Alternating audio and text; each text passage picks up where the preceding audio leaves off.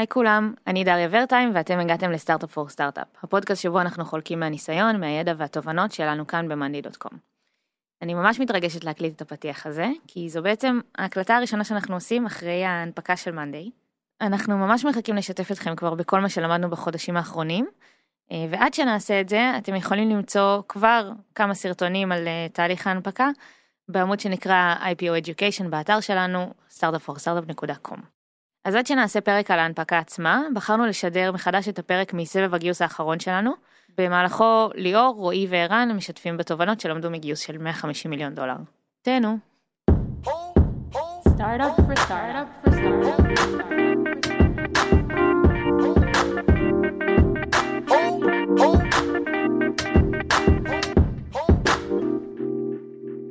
היי ערן, היי רועי. שלום ליאור. היי ליאור. היי כולם. אז במרץ האחרון יצאנו לסבב גיוס כספים, אה, במטרה לגייס 150 מיליון דולר. באמת אחרי ארבעה חודשים סופר מאתגרים ומעניינים, אה, ביוני האחרון סגרנו סיבוב של 150 מיליון דולר שהוביל לקרן הון סיכון בשם ספייר ונצ'רס, ואליה הצטרפו עוד ארבע קרנות בגדלים שונים. אז התוצאה המבוקשת הושגה, ובהסתכלות לאחור על התהליך יש דברים שעשינו ולמדנו מהם וחשבנו ששווה לחלוק איתכם. אה, יש גם דברים שזיהינו שיכולנו לעשות אחרת כדי להקל על עצמנו. אז הפרק הזה לא מיועד רק למי שמגייס סבבים מתקדמים, ולא מעט מהתובנות והלמידות שנשתף כאן היום רלוונטיות גם לסבבים מוקדמים יותר. שנייה לפני שנתחיל, אני רק אספר לכם שיש לי תפקיד קצת שונה בפרק הזה, כי למעשה לקחתי חלק אה, פעיל בסיבוב, אה, ובעוד שמאוד ברור שרועי וערן כאן כפאונדרים שמובילים את החברה, עושים את זה ומגייסים כסף, התפקיד שלי הוא קצת פחות שגרתי. אה, בגלל זה אני אתן לרועי וערן להסביר מה הוא היה. אז היינו, אני חושב שגם הסיבוב הזה וגם סיבוב שעבר, היינו צוות של שלושה אנשים שטסו והגיסו את הכסף. היה לך המון תפקידים שונים בתוך הסיפור הזה, אבל זה היה צוות שקול, בוא נאמר כך, כאילו מכל הכיוונים, לדבר עם משקיעים, לגרום לזה לקרות, להבין מה הפרוסס, מה צריך לעשות, עם מי לדבר, מה להגיד, לנתח את הסיטואציה, אז עשינו את כל הדברים האלה ביחד. או בוא נגיד אחרת, אנחנו דיברנו מול המשקיעים וליאור ניהלה את העניינים ברמה מסוימת. כן. אבל אני יכול להגיד בתור יזם שזה מאוד עוזר, בניגוד לסיבובים שונים קודמים שאני ורועי בעצם בדרך כלל נוסעים לבד, זה שליאור חלק מהצוות הזה, מאוד לנו לקבל פרספקטיבה, לקבל פידבק, לפעמים שאתה בתוך הסיטואציה אתה לא רואה דברים. ומישהו מבחוץ, עזבי את הניסיון שאולי שיש לך בקרן הון סיכון שהיית לפני זה, אבל בעצם זה שאת יכולה לתת פידבק ולראות סיטואציה מבחוץ ולקלוט מה קורה בחדר תוך כדי שאנחנו מציגים, ובכלל בתהליך היא מוסיפה המון value בתהליך הזה. אז בואו נתחיל, אז השלב הראשון הוא בעצם יצירה של היט-ליסט של משקיעים פוטנציאליים שנרצה לפנות עליהם. כן, בתכלס אנחנו עשינו את ההיטליסט, אבל השלב הראשון האמיתי היה להחליט שאנחנו יוצאים לסיבוב. לדעת שאנחנו לוקחים את הקומיטמנט הזה, מפנים את הזמן, לדעת שזה ישאב אותנו, ובוא נגיד פריבילגיה של הסיבוב הנוכחי זה שגם היינו יכולים לבחור מתי. ידענו לתכנן את זה מראש, ואני חושב שזה חשוב גם לסבבים הקודמים, הטיפ הזה של לדעת שצריך לעבוד בדבר הזה שנקרא סיבוב. זה אפילו מעבר להגיד שאנחנו עושים את זה, זה השלב הכי חשוב כמו שהוא אמר, שכאילו משנים את ה-state of mind, ומאותה נקודה גם חשוב מאוד לייצר איזשהו ביט. אנחנו ממש, ברגע שאנחנו מחליטים לעשות סיבוב, אנחנו התחלנו ממש להיפגש ברמה בהתחלה פעמיים שלוש בשבוע, בהמשך הסיבוב ממש ברמה יומית. כי זה, זה פרוסס לכל דבר. כן, ו... יש סינק בוקר, זאת אומרת, לא יכול לקרות כן. מצב שעברו 24 שעות מבלי שדיברנו והסתנכרנו על מה שקורה. כן, גם כי... אם דיברנו עוד 100 פעם ביום על הסיבוב. לגמרי, בפועל. לגמרי, זה ממש כאילו לשים dedication שלם על הדבר הזה ולהבין שאתה נכנס לאיזשהו תהליך מאוד מאוד אינטנסיבי, שאתה עכשיו נשאב אליו. בסיבוב הנוכחי גם היו המון משקיעים שפנינו אלינו וזה נהיה בסוף חמ"ל. אז בהתחלה זה היינו מעט אנשים, לאט לאט מצטרפים, אז, הם, אז כולם, זה פעם ביום מוודאים שכולם מסונכרנים.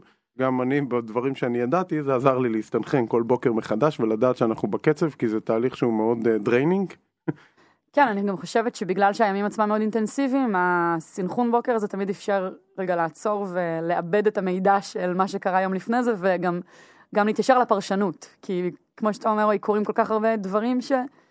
כל אחד יכול לקחת אותם למקום אחר, ומחליטים ביחד מה, מה המשמעות של כל דבר שקרה, ולאן רוצים לקחת אותו ולקדם אותו באותו היום. כן אוהב, לא אוהב, רוצה להתקדם, לא רוצה להתקדם, לוקח ברצינות, לא לוקח ברצינות. זה שהוא הקדים את הפגישה בחצי שעה, זה אומר שהוא ממש כן. נלהב או שלא אכפת לו. מה זה אומר שהוא רשם אה, נקודה פסיק בסוף ה-SMS? אבל אנחנו מקדימים את המאוחר. לא היה אז כל, ה, כל המשקיעים האלה שאנחנו מדברים עליהם, אז באמת שנייה בוא נבין למי פונים. אמ, אז אני חושב שכל סיבוב זה שונה לפי השלב, לפי המשקיעים הרלוונטיים אה, וגם המספר שלהם יכול להשתנות, אבל כמו שאנחנו תמיד הבנו בסבבים קודמים, ובוא נגיד יש לנו צלקות עמוקות עם הדברים האלה, צריך לפנות לכולם בצורה מסודרת באותו זמן ולהביא את כולם לאותו זמן, באותו זמן לאותה נקודת החלטה. אבל זה שהתקדמנו עם אחד מאוד מאוד מאוד מהר ואחד אחר לא, ובסוף מישהו אמר שהוא מעוניין ואחר עוד לא הסתכל על החברה, לא למד ולא ידע כלום, שם אותנו בנקודה בהיסטוריה שהיא מאוד לא, לא טובה. It lingered on, לא, הוא לא נסגר הסיבוב, כי תמיד אפשר לחכות עוד שבוע כשיודעים שאין תחרות. אז המטרה היא לייצר בעצם סיטואציה שאנחנו יודעים מתי הסיבוב ייסגר, מתוך זה שאם מישהו ירצה להשקיע, אנחנו נדע להתכנס. בסדר? ובשביל זה צריך הרבה אה, אז אנשים מדברים? בהתחלה. איך, איך פונים אליהם? אז, אז דבר ראשון להבין דברים. מי, נכון. להבין מי, להבין מי זה גם אומר להבין מי לא בשלבים האלה. אה, ו, ולעשות רשימה שהיא סבירה. כמה היו לנו ברשימה ההתחלתית? היו לנו כמעט 50 קרנות. היו לנו כמעט 50 והבנו מה, נגיד, מהסבבים הקודמים ש-50 אה, בהתחלה זה 20 בסוף ואנחנו כנראה זה יהרוג אותנו אז לאט לאט ניסינו לצמצם ולהבין מי גם אם הוא יוצא לא יהיה רלוונטי. אבל שוב, מי שמאזין כרגע שואל את עצמו איך הגעת ל-50. אז, אז אה, מה שעשינו זה לקחנו מכמה מקורות. דבר ראשון, אה, הסתכלנו על הרשימות של הסבבים הקודמים, כי חלק מהקרנות שדיברנו איתן בעבר גם רלוונטיות לסיבוב הזה, אז הסתכלנו ברשימה של הסיבוב הקודם ולקחנו משם קרנות רלוונטיות. גם בנוסף דיברנו עם המשקיעים הנוכחים שלנו, עם אינסייט ועם סטרייפס ועם אנטרי קפיטל, ועשינו עם כל אחד מהם שיחה, שבהם שאלנו מהניסיון שלהם, כי יש להם חברות בשלבים האלה, איזה קרנות הם אוהבים, איזה קרנות הם חושבות שהם חושבים שהן אה, טובות לנו, אז מיפינו את כולם עם פריורטיז, אה, וגם הסתכלנו, עשינו עוד חיפוש, אה, השתמשנו ב-CB Insights, Crunchbase Insight, יש שם גם כל מיני קרנות שהם יכולים לרשום, אפשר לעשות ממש חיפוש של קרנות. והכנו רשימה כזאת של כמעט 50 קרנות. וגם אגב הוצאנו מהרשימה הזאת את כל מי שהשקיע במתחרים ישירים שלנו, שזה הדבר ש... כן, שטוב כן. שעשינו לא תמיד בקרן, שבמיוחד בקרנות גדולות. לדבר עם פרטנר שידע להגיד לנו שהם בעצם כבר מושקעים בחברה שהיא ממש כן, או, ש... או שנדע את זה מאוד מאוחר בתהליך. נכון. מה שכן, אבל אה, זה לא רק לרשום את השם של הקרן, גם מיפינו מה ה check size שכל אחד מהם רושמת? במקרה שלנו כן. בשלב הזה זה היה מי יכול לכתוב check size של 150 מיליון דולר אין הרבה קרנות כאלה אז אז עזר לנו גם לייצר איזשהו סינון. אה, אני חושב שבהתחלה לבוא בתור סטארט-אפ ולמפות אה, לא יודע מי שיכול לכתוב check size של 2 מיליון דולר. אז יש רשימה מאוד ארוכה לשים את כולם. כן, אבל כאילו ברגע שאתה מגייס כבר עשרה מיליון, אז אתה יכול לשאול את עצמך אם כן. אני פונה רק לקרנות ששמות עשרה מיליון, או כמו שאנחנו עשינו, די מהר הבנו ש-150 מיליון דולר זה צ'ק ענק. כן. ושקרנות שיודעות לשים גם 50 ו-60 מיליון, הן לחלוטין לגיטימיות ורלוונטיות מבחינתנו. כמו שזה נסגר בסופו של דבר. נכון. כן. גם משקיע עוד... שדיברנו איתו בסבבים קודמים. זהו, עוד, זה בדיוק הנקודה שרציתי לחדד ממה שאמרת זינמן, זה שממש חשוב להבין שזה שמישהו אמר לא בעבר, בצורה מפורשת, או אפילו זה סתם מתמסמס איתו, לא אומר שאי אפשר לפנות אליו שוב. ברור. Uh, ואפילו יש יתרונות ללפנות אליו שוב, אז אולי רגע תתייחסו לזה. במיוחד אם עמדנו במספרים שאמרנו שנעמוד בהם, שזה... Uh, זה מדהים כמה שמסתכלים על העבר, לא משנה איך הוא נראה. Uh, העובדה שפגשו אותנו בעבר ואמרנו שנעשה משהו ובאמת עמדנו בו, מביא להם ולידציה שהיא פי 20 יותר גדולה מאשר נגיד להם שזה מה שאמרנו נכון. וזה מה שקרה. נכון. Uh, וגם העובדה שהם פספסו גורם להם לרצות לא לפספס uh, עוד פעם. uh, שזה גם מאוד חיובי, אני חושב שזה שיחות ש... ושוב, זה ריליישנשיפ, בוא נגיד, שאמרנו את הטיפ הזה לסוף, אבל אפשר להתחיל איתו פה, זה שתמיד לשמור על מערכת יחסים טובה עם כולם, כי you don't know what happen next, וזה גם טיפ טוב בלי קשר. וגם בהקשר הזה, אחד הדברים ש... שנגיד הסיבוב הזה כבר עשינו במודע מתוך ההבנה הזאת על קשרים ועל זה שמידע בדיעבד עוזר להם לקבל החלטה היום, זה באמת לתת דאטה לכל מי שביקש. זאת אומרת, יכול להיות שהיום הם לא ישקיעו, אבל זה שהם ראו את המספרים שלנו היום, כבר נותן להם data point מאוד חשוב, ומאפשר להם לספר סיפור עם רצף לקראת העתיד. זאת אומרת שאם בעתיד ניפגש באיזושהי קונסטלציה, נתנו להם עכשיו מידע שרק לנו יכול לעזור בעתיד, ו- ולא לוקח מאיתנו שום דבר. אני כן רוצה להוסיף עוד רזולוציה, אז דיברנו על למפות הקרנות, זה מאוד חשוב, אבל מה שעשינו גם זה למפות את הפרטנרים בתוך הקרנות. זאת אומרת, לא רק להבין מי הקרנות שאנחנו מדברים איתם, אלא גם מי הבן אדם הנכון. אז גם כשדיברנו עם המשקיעים שלנו, הם נתנו לנו כל מיני טיפים. עכשיו, מה זה הבן אדם הנכון? זה בן אדם שבעצם הוא נמצא בעמדה, או שיש להם איזשהו relationship איתו, שהוא יכול לסגור את העסקה. כן, שיש לו את הכוח בקרן לסגור את העסקה, והוא הבן אדם הנכון בתוך הקרן, כי יש התמחויות. אז בעצם מיפינו את כל הקרנות ומיפינו את האנשים בתוך הקרנות שהם רלוונטיים. אה, עם הקונטקסט וגם מיפינו מי יכול לעשות לנו אינטרו לכל אחת מהקרנות האלה זאת אומרת מי יכול לחבר בינינו אז זה היה ממש מיפוי מעמיק לגבי כל אחת מהקרנות. אם אני אהיה כן אז אנחנו אה, מה שנקרא זה הנקודות הפחות טובות שעשינו גם בסיבוב כי בסופו של דבר הרבה אנשים שדיברנו איתם along the way אה, לא ידענו בדיוק מה יכולת קבלת החלטות שלהם הנחנו כל מיני דברים ואחרי זה גילינו דברים אחרים וזה היה משנה לנו את כל הדינמיקה איתם. כן, חשוב בהקשר הזה להגיד שגם באמת הדינמיקה בבורד שלנו היום היא כזאת שכל כל אה, חברי הבורד הם אנשים שיכולים בתוך הקרנות שלהם לקבל החלטה בעצמם. וזה עוד משהו ש... במגבלה של המשקיעים שלהם, בוא נגיד ככה. נכון, לא, כן. לכולם יש אה, תקרה מעל הראש, כן? גם אם היא שמיים, אבל עדיין אני אומרת ש, שזו דינמיקה שהיה לנו מאוד חשוב לשמר, וגם בגלל זה היינו עוד יותר רגישים לעניין הזה של מי בעצם האם האדם שאנחנו מדברים איתו יודע לקבל החלטות. אני כן אגיד שזה שתרגטנו את האדם הרלוונטי בקרן, לא אומר שהוא האדם הראשון שמדברים איתו. כן היו מקומות, וגם חשוב להבין שיש processes גם לקרנות, וידענו לכבד את זה. זאת אומרת שיכול להיות שלפעמים התחלנו לדבר עם איזשהו principal או associate, אבל ממש בתחילת השיחה איתו כבר ידענו לשים על השולחן מי האדם שאנחנו מעוניינים להגיע אליו, וזה היה קריטי, ואני זוכרת שהיו כמה קרנות שדי מהר בתהליך פסלנו אותם, כי אמרנו, זה לא הולך להתקדם בקצב הרלוונטי לאנשים הרלוונטיים, אז חבל על הזמן שלנו. אני אחדד את הנקודה הזאת, ואני חושב שזה משהו שאנחנו הבנו along the way, שדווקא להגיע דרך uh, מישהו מתחת, שזה הרבה פעמים אומרים אני רוצה רק את הפרטנר. אז יש סיטואציות שהיינו לקראת הסוף, שאמרנו אם אין פה פרטנר, אנחנו לא נתקדם מספיק בזמן, כאילו עם קרנות חדשות שנכנסו למשחק.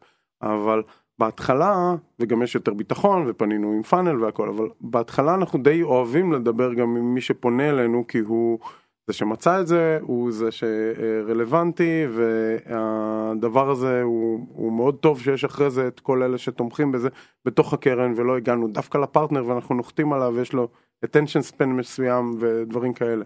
אז זה לא שלילי לא לדבר עם פרטנר, זה חיובי. גם לא רק שזה חיובי, יצרנו לטובת העניין הזה את מה שקראנו לו back channel. אה, שאתה רוצה להסביר את המנגנון? אולי תסביר את המנגנון, כן. אתה back channel. אני back channel, כן. לא, אז מה שבאמת עשינו מתוך מה שאתה אומר, רועי, זה שהבנו שבעצם יש הזדמנות במצבים שבהם פנתה אלינו קרן דרך מישהו שהוא ג'וניור, או שבאמת עשו לנו אינטרו למישהו שהוא ג'וניור. אה, לא רק לדבר עם הבן אדם, אלא ממש להפוך אותו לכלי תקשורת עבורנו. אה, להעברת מסרים שהם פחות פורמליים. ורגע כקונטקסט אולי נגיד שאם יש משהו שהבנו כבר בסיבוב הקודם, ואולי קודם, זה שאנגלית ואמריקאית זאת לא אותה שפה.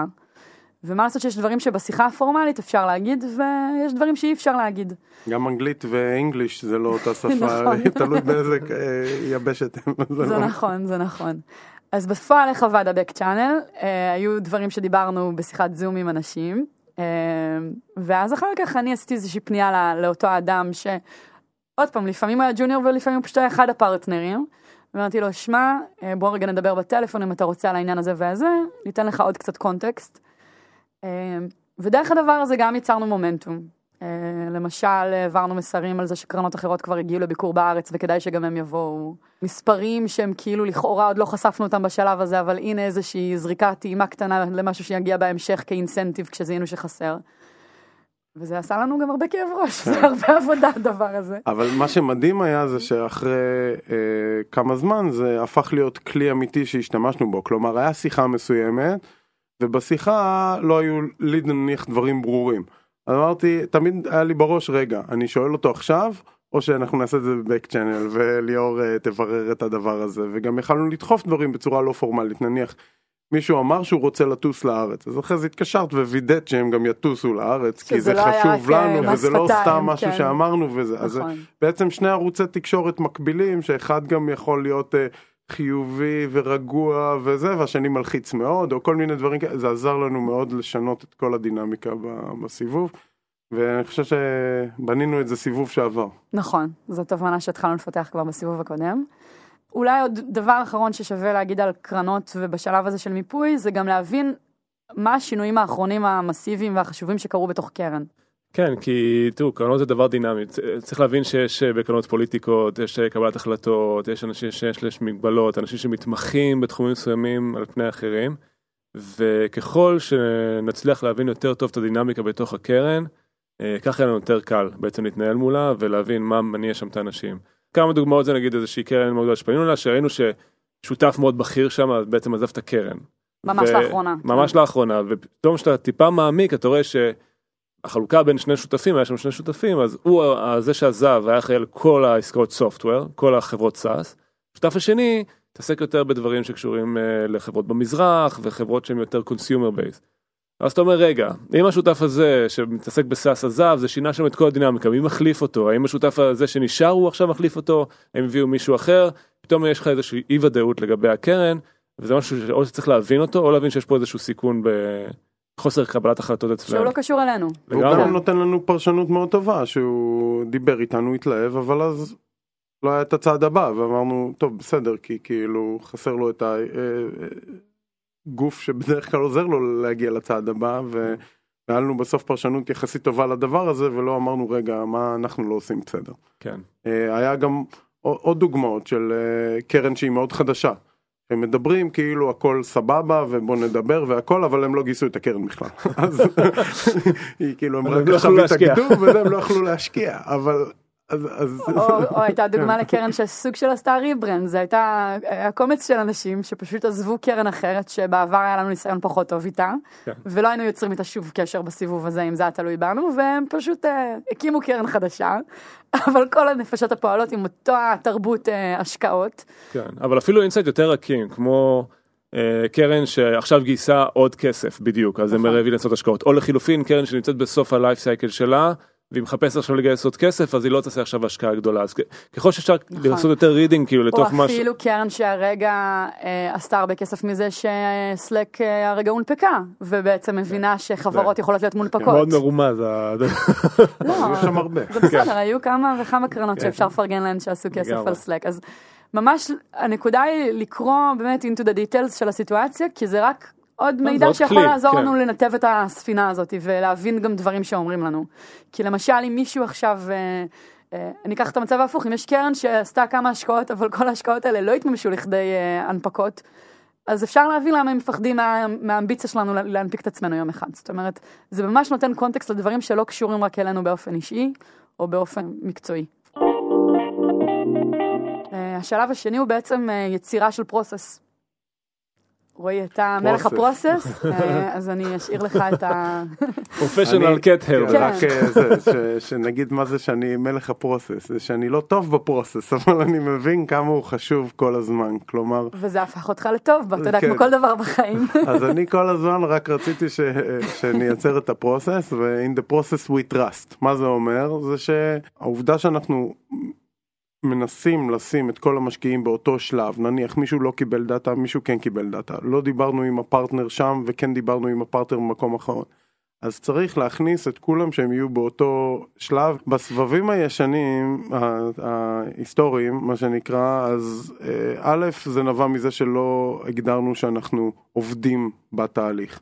אז בא מישהו ממש התלהב, אמרנו יאללה אולי הפעם אנחנו נסגור את הסיבוב הזה בלי לעבוד קשה. והוא יחסוך את כל התהליך. ואז הוא ממש התלהב, הם ממש ממש התלהבו, אבל הם היו שם לבד. ובאיזשהו שלב היינו כל כך, כאילו וזה לא נסגר הסיבוב מן הסתם. באיזשהו שלב גם הם אמרו לנו את זה, אם הייתם מביאים תחרות זה היה נסגר מזמן. זה, היה הנקודה, אני חושב שכאילו כן, אמרנו, ממש דפקנו את הראש, כן. אמרנו כאילו אנחנו כאלה גרועים שהם צריכים להגיד לנו איך לנהל אותם. אז כשהגענו לשלב הזה, זה נהיה די ברור שזה כלי שעוזר להם גם להתקדם בתוך הקרן של עצמם. כלומר, אם מישהו רוצה לדחוף את זה, זה שכל פעם שואלים אותו תגידו מה, מה קורה עם הדיל הזה, הוא אומר אה הוא שלנו אין שם תחרות, אז זה לא עוזר לאף אחד לקבל את ההחלטה.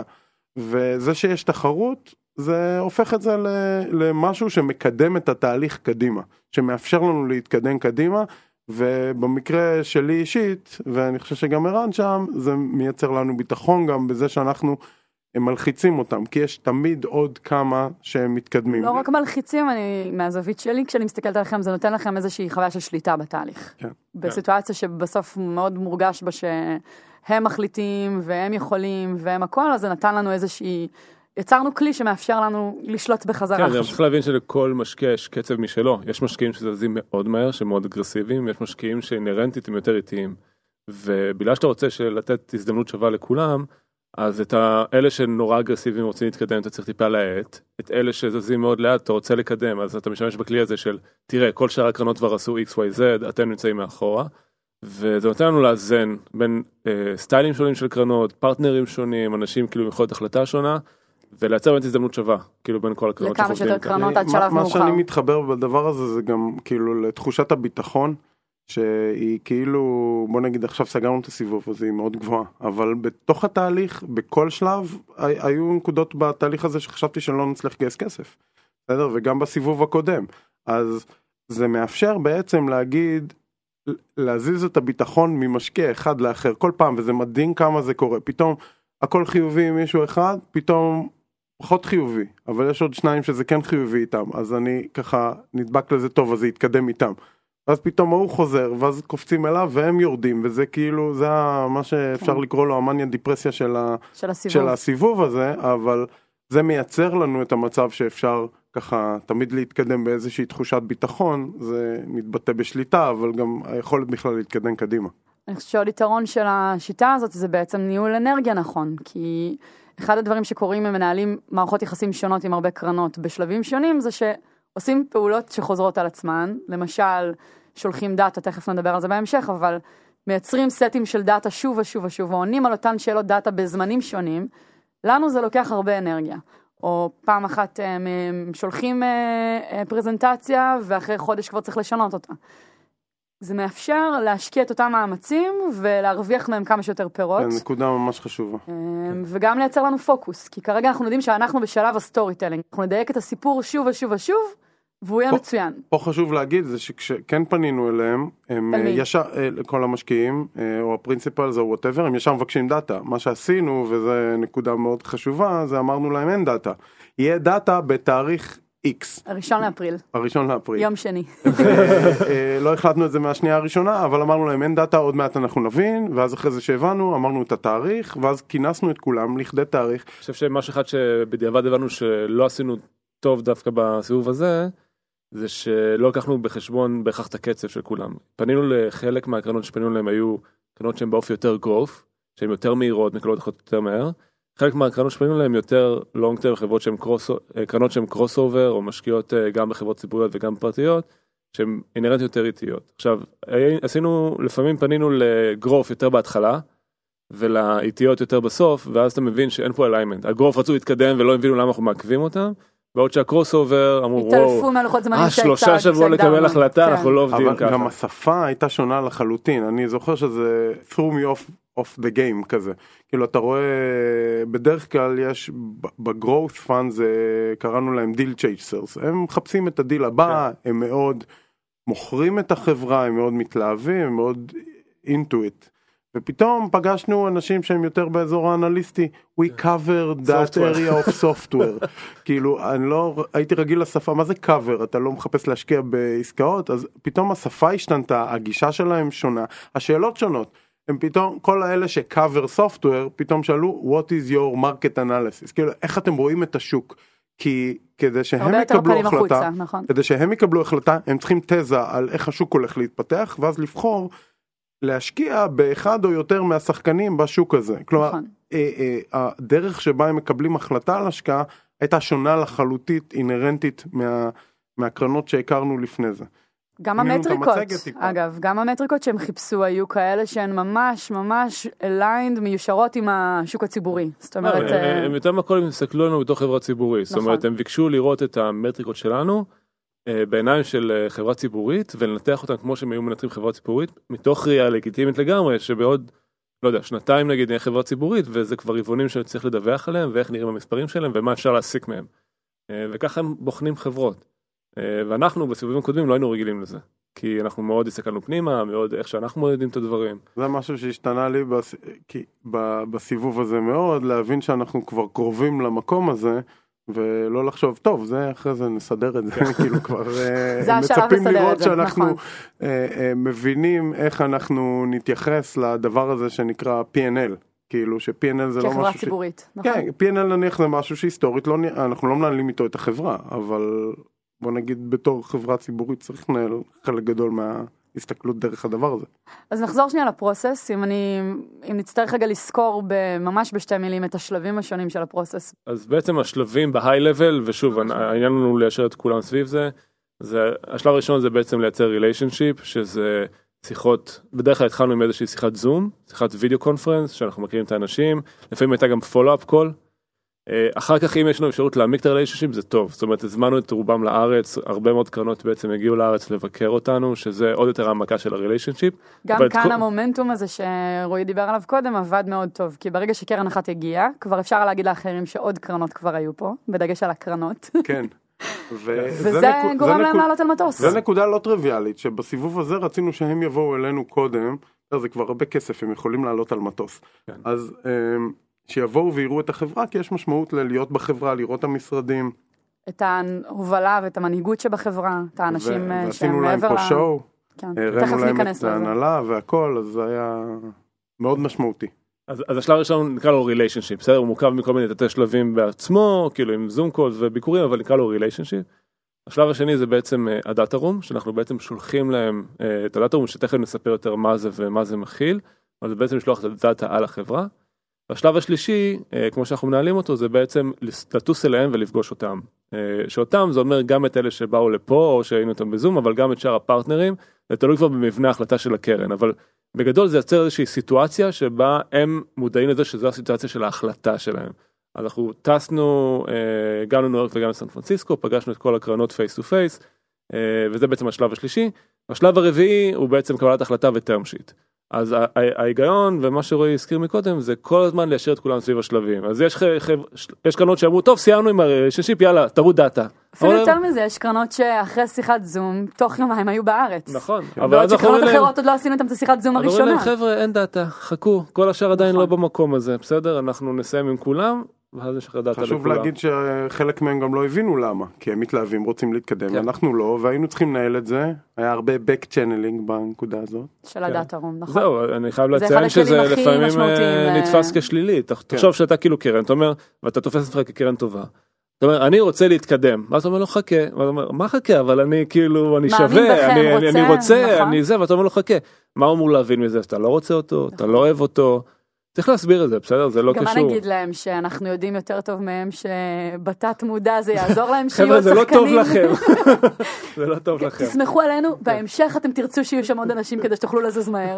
וזו נקודה חשובה שגם, ש- אה, בוא נגיד עם, עם כל הניסיון שלנו, לא התלהבנו ממישהו שאומר יאללה רוצים להוציא את term sheet. אמרנו כן. בסדר, ה-term sheet כאילו, אה, ו- ולהציע אותו זה יהיה הרבה יותר טוב אם נגיע למקום הזה אה, אה, דרך הפרוסס. כשיש כן. עוד קרנות לצידו, שיש, זה כן. המשמעות של נכון, הפרוסס. וכדי שתהיה לנו אפשרות לבחור באמת ולהבין האם ההצעה שלו היא טובה, אה, כנגד מה אנחנו שוקלים אותה. ולראיה בסופו של דבר הוכחנו גם כצודקים בסיטואציה ספציפית שזה זה פשוט היה premature לאותו מישהו שכן רצה להציע את ה term sheet. היו עוד כמה כאלה שרצו לעשות preempt הם מאוד אוהבים preempt בוא בוא מה זה preempt? תסביר. preempt זה שהם לפני כולם רואים את הדיל וסוגרים את הדיל וזה והם קיבלו אותו שאין להם תחרות. כן אבל מה שחלק מהם לא יודעים שזה מגניב לעשות פריאמפט אבל אין להם שום יכולת לעשות פריאמפט כי בתוך הקרן לא יהיה להם את הביין הנדרש. אז לפעמים היינו צריכים לעזור להם לעזור לעצמם.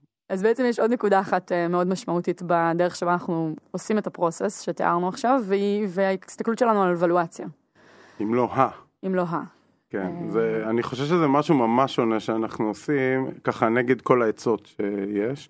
בדרך כלל, ש, שאנחנו אומרים את הוואליואציה מראש. אז נניח בסיבוב ה, שאני זוכר אותו, ההיסטורי שהוא היה לא מהסיד ראונד, אלא אחרי זה, אה, כבר אמרנו שאנחנו רוצים סיבוב בוואליואציה של 20 מיליון פרי. כלומר שלפני שהכסף נכנס החברה שווה 20, אה, אנחנו גייסנו אז 5, אז זה אומר שאחרי היא תהיה שווה 25. אז הלכנו ואמרנו את זה לכולם.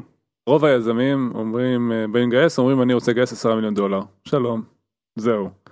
וכאילו נותנים, אה, נותנים למשקיע, מכריחים אותך להגיד את זה, זה ככה זה ה-best practice, אומרים לך אל תגיד, ואני חושב שגם בפגישה הראשונה, בסדר, אה, וככה עם, בשיחות חולין, לא אומרים את זה, בסדר? כי קודם כל בוא נראה אינטרסט טיפה, נראה שאתה מעוניין להשקיע בחברה, אחרי זה אני אדבר איתך על הדברים האלה. אוקיי, אז למה החלטנו לפעול אחרת בעניין? מה הרציונל? אני חושב שבסופו של דבר זה התחיל, זה, בהתחלה זה התחיל מזה שהאמונה שאנחנו bad negotiators. אמרתי, זה לא אמונה. לא. ההבנה, הפנמה עמוקה. הפנמה, אמרתי ככה, אני, אני יודע איך. אני יכול לנהל אה, דיאלוג עם מישהו, אני אגיד לו מה אני רוצה, מתי שהוא יבין שמה שאני רוצה זה מה שאני באמת רוצה. לא שמנו, מהצד השני לא שמנו ווליואציות שהאמנו שהם לא בסדר, או farfetched, או דברים כאילו הזויים. אה, משהו שאנחנו רוצים לעשות, כי בסוף יש לך, יש את ה... מה שנקרא משחק האריה במדבר, שאתה עושה משא ומתן עם עצמך, אומרים, טוב, ומה אם אני חותך את זה בחצי, אתה מסכים? ומה אם אני מוריד מה... אז, אז כאילו כל המשא ומתן הזה עם עצמי או, מול מישהו אחר, אז עשינו אותו לפני זה, והבנו מה אנחנו רוצים שיהיה טוב, ואמרנו את זה, וזה שאומרים את זה, זה גם גורם לנו להאמין בזה. אה, וזה ש... ובסופו של דבר, אבל, זה התגלה כמשהו שהוא ממש ממש טוב, כי זה מה שנקרא עוגן במשא ומתן.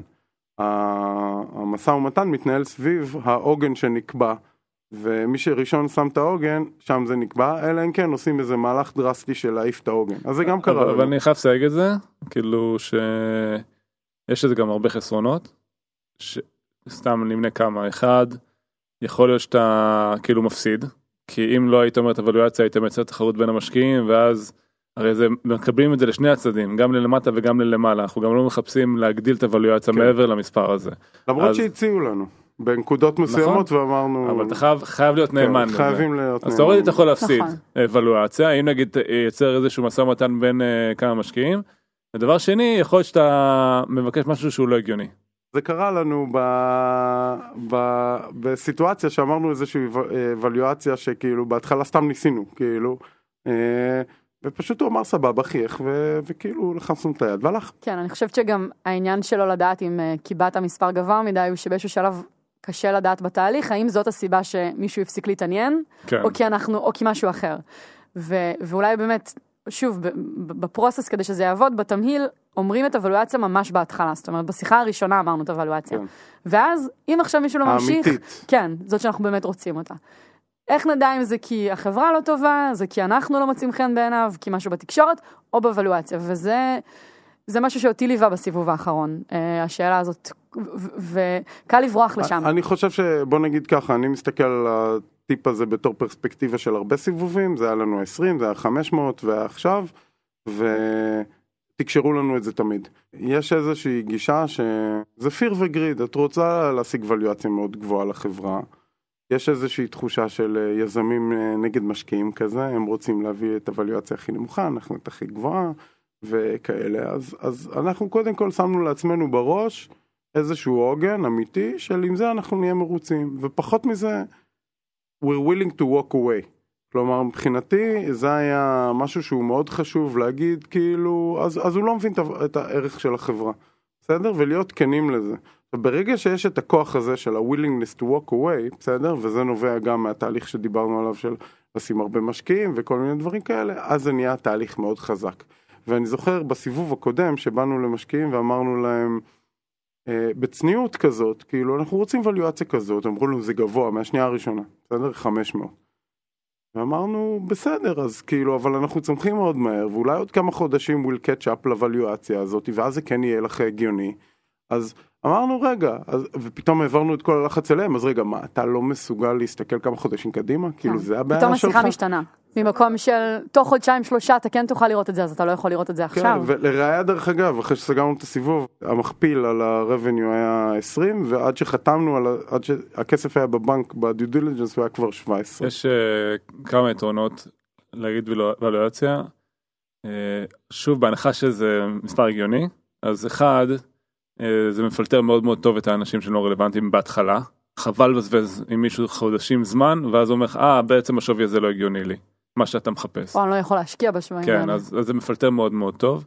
דבר שני אני חושב שיש לזה ערך אקומולטיבי זאת אומרת יש לזה ערך מצטבר כן. כי אתה פוגש משקיעים ואז הם רואים שאתה מבקש כל סיבוב משהו אתה מקבל אותו אז אומרים טוב שהם מבקשים אז הם, הם מתכוונים והם ילכו על זה אז, אז לאורך זמן אני חושב שזה כן יהיה יותר קל.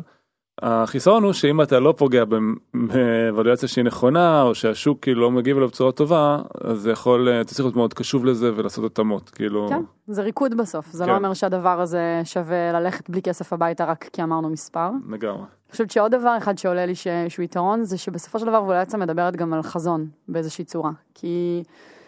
ניקח את זה רגע עוד פעם למצבים יותר מוקדמים, אבל יש חברה שיכולה לחשוב שאתה יודע, אקזיט של 200 מיליון דולר זה מה שהיא רוצה, וחברה אחרת באותו השלב דווקא מכוונת להנפקה במיליארד לצורך העניין. והשלב הזה של שיחה על ולואציה כן מיישר את כולם על בעצם מה החזון ומה האופק ש, שרוצים להגיע אליו, מה הקצבים. אמ, יש שם איזשהו עניין גם של ביטחון עצמי, של לעמוד ולהגיד, יש שם דיאלוג שפתאום, אה, בוא נגיד המשקיעים שרואים את ה upside אל מול אלה שרואים את ה downside נכון. protection מתגלים, בסדר? ואנחנו תמיד חיפסנו... שווה רגע להסביר מה זה, כי לנו כן. מאוד ברור מה זה אפסייד ודאונסייד. אז אנחנו תמיד מאוד מאוד חיפשנו, זה היה לנו משהו מאוד מאוד חשוב תמיד, זה שכל המשקיעים שנביא יהיו להם אה, ראייה upside, מה זה אומר? זה אומר ש... איך אה, אלון סער אומר את זה? יש כמה סוגים. מי זה אלון סער? אלון סער, עורך דין שלנו. ממיתר. ממיתר. כן. אז זאת אומרת, יש שני, שני סוגים של אה, משקיעים, כאלה שכשלא הולך טוב הם נעלמים, שזה... רגע, אם אני אגיד עכשיו שהוא יבוא להתארח, אז זה אומר שהוא יהיה חייב לבוא כבר להתארח? יאללה. נקבע אותו? אז שיש כאלה שכאילו, אם לא הולך טוב הם נעלמים, וכאלה שהולך לא טוב הם אה, נכנסים. הוא התכוון ל private equity מול כאלה שרואים את ה upside venture, אז... אז הקטע שהולכים זה דרך אגב זה טוב, כן? כאילו, כלומר שמה שמעניין אותם, הם, הם יכולים להגיד טוב מחקנו את ההשקעה הזאת, טוב, זה, כי הם רואים רק את האפסייד, הם מנסים לעשות חברה of consequence, להשיג איזה 10x, לבנות משהו אמיתי, ואם רואים שזה לא קורה, זה פחות העניין שלהם. אה, זה כאילו לא הצד המקצועי שלהם לבוא ולהציל חברה מזה. איזה סוג קרנות אנחנו, כמו שערן אמר, שאנחנו רוצים לפלטר. קרנות שבאות להציל את החברה. זה לא נכון להגיד private equity, כן, כי יש סוגים גם שם, בסדר? אבל קרנות שבאות, והמומחיות של האנשים זה לבוא אה, ולהחליף את ההנהלה ולהגיד לכולם מה עושים וכאלה. או לצורך העניין לנסות להוציא את הכסף שלהם כאילו החוצה בכוח איכשהו אה, זה, אלא שהם באו שיש alignment of interest, שבאנו לבנות פה משהו גדול ומסתכלים לעתיד, וזה ההימור שאנחנו לוקחים. לא הימור אחר שלי לא ברור שהם לקחו על הדבר הזה. אז השלב השלישי הוא בעצם ה data room עצמו. כן. זילמן, המיקרופון שלך. כן, אני מת על data room. כן. Uh, אני שנייה אסביר מה זה, כי זה נשמע כזה שם מפוצץ, אבל uh, בגדול, אה, וזה לאורך כל הסבבים של כל חברה כמעט, אז בשביל שהקרן, בעצם הקרן מתרשמת מה founderים, מהחברה, מה vision, ואנחנו גם מציגים לה מספרים הרבה פעמים, אבל אז הגישה היא, אוקיי, בואו תראו את המספרים מאחורי זה, אנחנו רוצים לנתח בעצמנו את החברה, אנחנו רוצים להבין את הדינמיקה מאחורי המספרים, ואז בעצם מכינים data room. מה זה data room? בפועל זה folder. מלא אקסלים. מלא קבצי אקסל. אה, שאתה שולח למשקיע, אנחנו אגב השתמשנו ב Box, כאילו שזה איזשהו file sharing, שגם קיבלנו אינדיקציה שמשקיע מוריד את הקבצים, אבל בגדול זה, זה להכין הרבה מאוד קבצי אקסל, שבעצם אתה חולק אותם עם המשקיעים, אה, ואז הם לוקחים את האקסלים האלה, בדרך כלל יש שם, אנליסטים שמנתחים את החברה מכל כיוון אפשרי, הם עושים crunch של ה numbers וכולי. אה, ואז מקבלים עוד איזושהי זווית ראייה לחברה יותר מעמיקה, ואז כאילו זה עוזר להם לקבל החלטה. וחשוב כן להגיד שבשלבים שאנחנו מגייסים בהם, שגייסנו עכשיו, המספרים הם חלק מאוד משמעותי בתהליך. נכון. זאת אומרת, זה כבר לא nice to have. כשאתה חברת seed, כשאתה מגייס סיבוב seed, אז אתה מגייס את זה על vision או על צוות. אה, מ round A וקדימה, המספרים הופכים, תופסים נפח יותר ויותר משמעותי, ובטח בשלב שלנו הם תופסים נתח מאוד משמעותי, כי יש המון היסטוריה והמון... עד למשקיעי crossover שמבחינתם היו שלבים שאתה יודע, היו קרנות שאמרו לנו, עזבו את השיחה איתכם, תשלחו לנו את המספרים, קודם כל תראו לנו את המספרים, זאת אומרת זה עד כדי כך קיצוני. אמ, עכשיו, שווה להגיד איך ההיסטוריה של איך הגענו לזה, זה זה שבסיבובים הקודמים שאלנו אותם כל הזמן, מה ה data request שלכם? מה ה data שאתם צריכים כדי לקבל החלטה? והתעקשנו על לקבל החלטה, כי דאטה כולם אוהבים לקבל הרבה ואז זה מנטרל אותם לחלוטין, תלוי באיזה שלבים. אז היה לנו חשוב לדעת מה הם מסתכלים עליו, והם אומרים לא, לא צריך, זה רק מה שיש לך, מה שאתם מסתכלים עליו, כל מיני כאלה. אמרנו טוב, תעשו לנו רשימה, אספנו את הרשימה מכולם וככה בנינו את הדאטה רום וחשוב להגיד גם הכנו נניח 30 קבצים או כמה היה שם עכשיו יותר אה, אפילו 40 כן אז אבל שלחנו בהתחלה לכל אחד רק את מה שהוא ביקש בהנחה שזה מה שהוא ידע להסתכל עליו אם הוא ירצה עוד תשלח לו עוד. ה over data הזה גם מייצר איזשהו paralysis מסוים כי אומרים רגע אולי אנחנו צריכים לנתח את זה איכשהו ולא ככה הם חושבים כלומר בסופו של דבר צריך את ה data שיעזור להם לקבל החלטה. מה שהם מבינים זה שונה בשלב שונה בתחום שונה בין משקיע למשקיע אז ניהלנו גם את הדבר הזה. כן. אז פה האמת שיש לי כמה takeaways שאולי שווה לשתף דברים שלמדתי לאורך השנים אה, כמה טיפים אז אה, דבר ראשון הבנה מאוד מאוד עמוקה שאולי זה נשמע טריוויאלי אבל שברורה לי היום צריך להבין ש data room זה product לכל דבר אנשים משקיעים המון אנרגיה ב pitch במצגת, במצגת באיך שמציגים את החברה ואת הסיפור. וכאילו ה data הוא כזה טוב האנליסטים יוציאו data ה data הוא product לכל דבר. אה, אני מאוד מאמין שא' הקבצים הם צריכים להיראות יפה, הם צריכים להיות ברורים, זאת אומרת שאם עכשיו מישהו פותח איזשהו קובץ אקסל, אז שהוא לא רק יראה מספרים, אני תמיד בעד לעשות את הגרף, אוקיי, שיוצא מהמספרים, כאילו כבר להכיל אותם במקום הזה. אפילו עוד פתאום, לפני כן כותרת. כותרת, ולהכין גרף, ואם נגיד פתאום יש תוצאה פחות טובה, אז לשים חץ ולהסביר, אוקיי, אל תגיד, אה, זה, זה כאילו counterintuitive, אתה אומר שהם יעשו את הניתוח, אולי הם לא ימצאו משהו, אני אומר ההפך, להציף את כל הדברים. מה שטוב להסביר, מה שלא טוב להסביר, כי בסוף הקבצים עוברים לאיזשהו אנליסט והוא צריך להעביר מסר להנהלה. וככל שאתה תצייד אותו ביותר מידע, ביותר אינפורמציה, ביותר insights על המידע הזה, ככה הוא יוכל להעביר product יותר טוב, כי הוא בסוף השופר שלך בתוך הקרן, אז אתה רוצה שהמסר יהיה טוב. אז זה דבר ראשון. אמ, דבר שני, וזה גם קצת counterintuitive, לפחות לי זה היה, זה שיותר data זה לא יותר טוב. בסדר? זה כאילו, אתה אומר, יש לי מלא data, אני אשלח את זה למשקיעים, זה יעזור להם לקבל החלטה. ההפך. ואני לא מנסה להסתיר פה שום דבר, אבל עודף מידע מבלבל אנשים, וזה product, זה, זה, זה ידוע בפילוסופיה של product, ככל שנותן לבן אדם יותר אפשרויות, יותר insight, הוא מנסה להבין מה הוא לא מבין.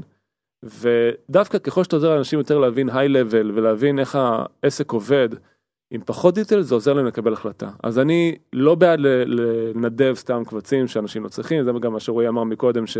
בוא נשלח להם מה שהם צריכים. אני חושב שהיסטורית אה, רצחנו כמה כן. משקיעים עם אובר אה, מידע.